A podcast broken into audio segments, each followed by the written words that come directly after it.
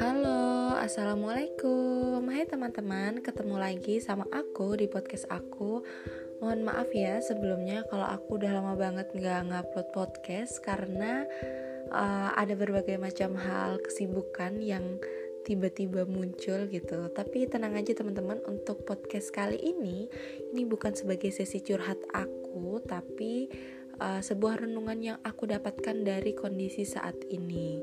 Kondisi saat ini apa aja sih? Ya, maksud aku kondisi saat ini adalah kondisi saat pandemi kayak gini gitu loh.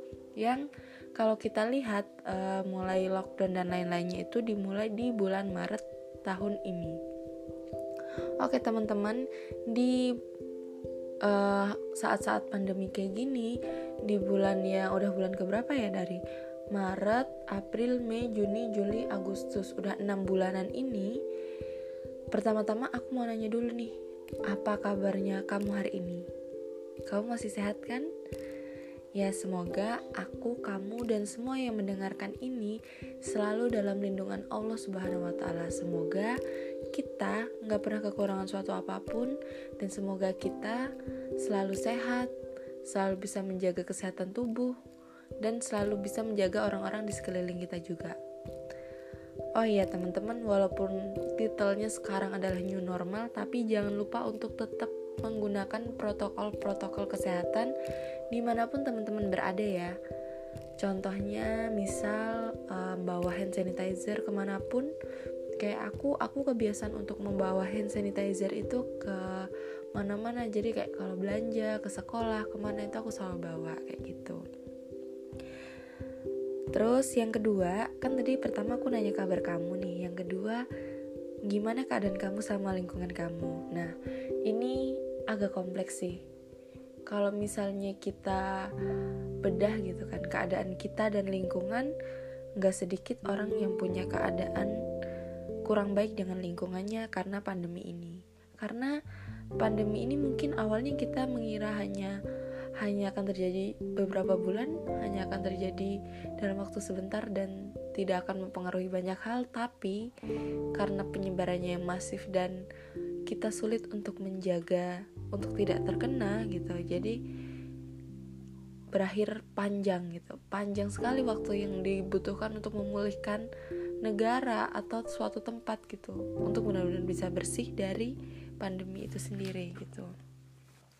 Kalau ngomongin lingkungan nih, untuk kondisi pandemi saat ini, pasti di sekeliling kita banyak banget orang yang ngerasa dirinya kurang beruntung atau dirinya itu mengalami kerugian yang cukup besar karena pandemi ini.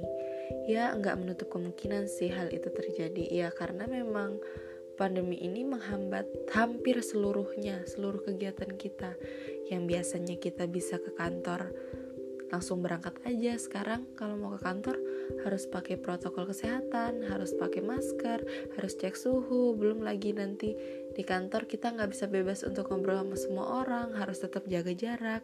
Kan itu sesuatu yang apa ya sesuatu yang sebenarnya dia kecil. Kan virusnya ini kecil ya kecil banget tapi dia bisa merubah segalanya.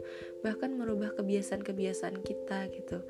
Dan kita yang memang sebelumnya nggak mempersiapkan apa-apa untuk ini dipaksa dalam keadaan kayak gini dalam kondisi yang kita nggak bisa untuk menolak. Jadi kita harus menjalani ini gitu.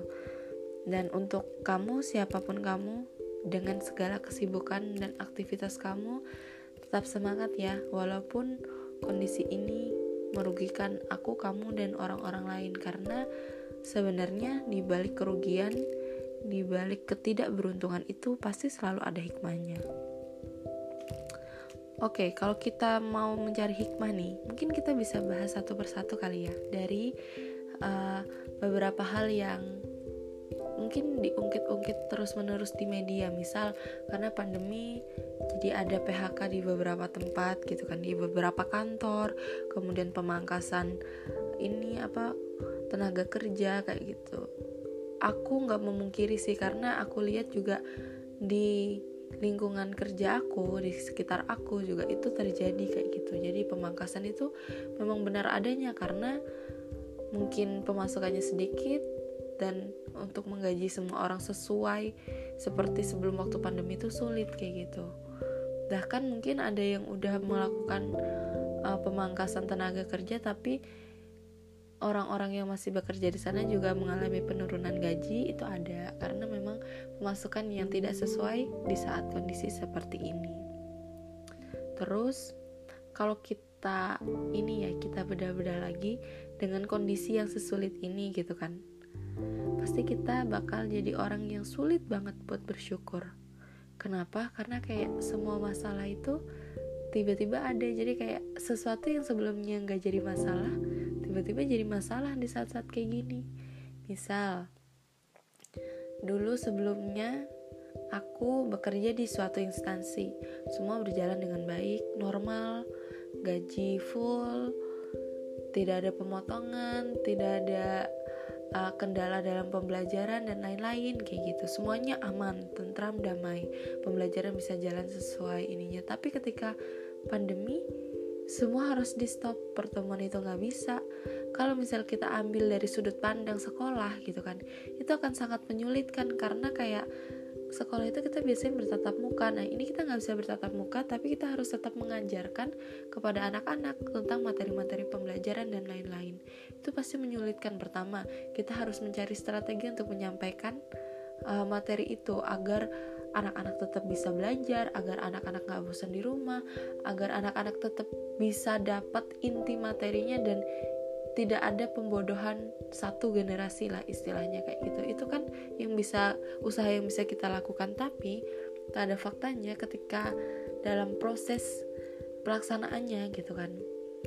Itu nggak semudah yang kita bayangkan gitu. Kalau kita bayangkan kan paling cuman oh ya udah kasih materi aja secara online. Oh ya udah tinggal di fotoin tugas nyarat udah kayak gitu.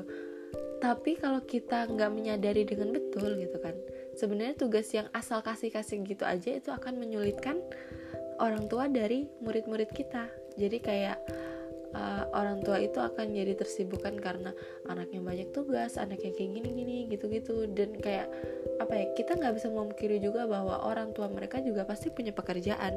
Yang pekerjaan itu juga nggak bisa ditinggalin, iya kan? Jadi kayak itu seperti apa ya? Kalau orang bilang mungkin seperti efek domino dari COVID ini sendiri sih dan menurut aku gitu kan. Di saat kondisi kayak gini, di saat semua keterbatasan itu ada di saat kita nggak bisa melakukan secara maksimal apa pun pekerjaan kita itu bukan saatnya kita untuk saling menyalahkan karena kayak kalau kita saling menyalahkan emang fungsinya apa untuk ke depannya? Emang kalau kita saling menyalahkan dan menemukan siapa orang yang salah apakah itu bisa memulihkan kondisi seperti semula dan menghilangkan covid gitu aja gitu kan? Itu nggak mungkin kan? Jadi kayak di saat kondisi yang serba terbatas kayak gini bukan saatnya kita untuk saling menyalahkan, tapi saatnya kita untuk saling mengerti. Saling mengerti kondisi satu sama lain. Karena setiap manusia, setiap kita punya kesibukan masing-masing, punya agenda masing-masing, punya banyak inilah rentetan kegiatan yang berbeda dalam setiap harinya dan kita nggak bisa memaksakan semua orang harus sesuai dengan keinginan kita gitu loh. Emang siapa kita? Berhak banget ngurusin orang lain gitu kan. Jadi kalau menurut aku saat kayak gini cara kita bersyukur adalah kita bersyukur masih diberi kesehatan, kita bersyukur masih diberikan rezeki untuk makan, kita bersyukur masih diberikan waktu untuk bisa berkumpul dengan keluarga. Itu adalah hal-hal yang bisa kita apa ya? kita munculkan rasa syukur yang bisa kita munculkan kemudian bisa membuat kita menjadi lebih positif daripada kita berusaha untuk menyalahkan orang lain karena sebenarnya dalam kondisi kayak gini gak ada yang salah dari orang lain. Pun kalau orang lain meminta kita untuk maksimal di suatu kerjaan dan lain-lain dia nggak salah. Karena memang itu tuntutan pekerjaan kayak gitu loh. Dan kayak ya udah memang itu resiko. Resiko yang harus kita tanggung secara bersama di saat kondisi seperti ini kayak gitu. Dalam kondisi pandemi kayak gini gitu kan. Kita bukan saatnya menyalahkan kita bukan saatnya untuk saling menjatuhkan, tapi saatnya untuk saling mengerti dan saling memahami serta saling menyemangati. Karena kamu tahu kan kalau misalnya kamu menyemangati orang kemudian orang lain jadi bersemangat, dia bisa melakukan berbagai aktivitas positif, kamu juga bakal kena ininya apa percikan-percikan pahalanya gitu kan. Siapa coba yang gak mau dapat uh, percikan-percikan pahala di saat pandemi kayak gini? Kalau aku sih mau jadi menurut aku lebih baik di saat-saat kayak gini di saat-saat yang sulit seperti ini kita banyak menebar energi positif daripada energi negatif dan nyalahin orang aja. Oke? Dan mulai saat ini kita nggak boleh lagi ya untuk uh, menyalahkan orang lain. Coba deh introspeksi diri dulu. Emang kita udah beneran jadi manusia yang sempurna? Emangnya kita udah beneran bisa jadi manusia yang perfect? Nggak ada salah yang orang lain terus yang salah terus kita yang salah benar kan nggak mungkin kan nah coba deh introspeksi diri dulu di tahun yang baru ini, semoga kita selalu bisa memperbaiki diri kita untuk menjadi pribadi yang jauh lebih baik daripada tahun kemarin. Selamat tahun baru Hijriah. Wassalamualaikum warahmatullahi wabarakatuh.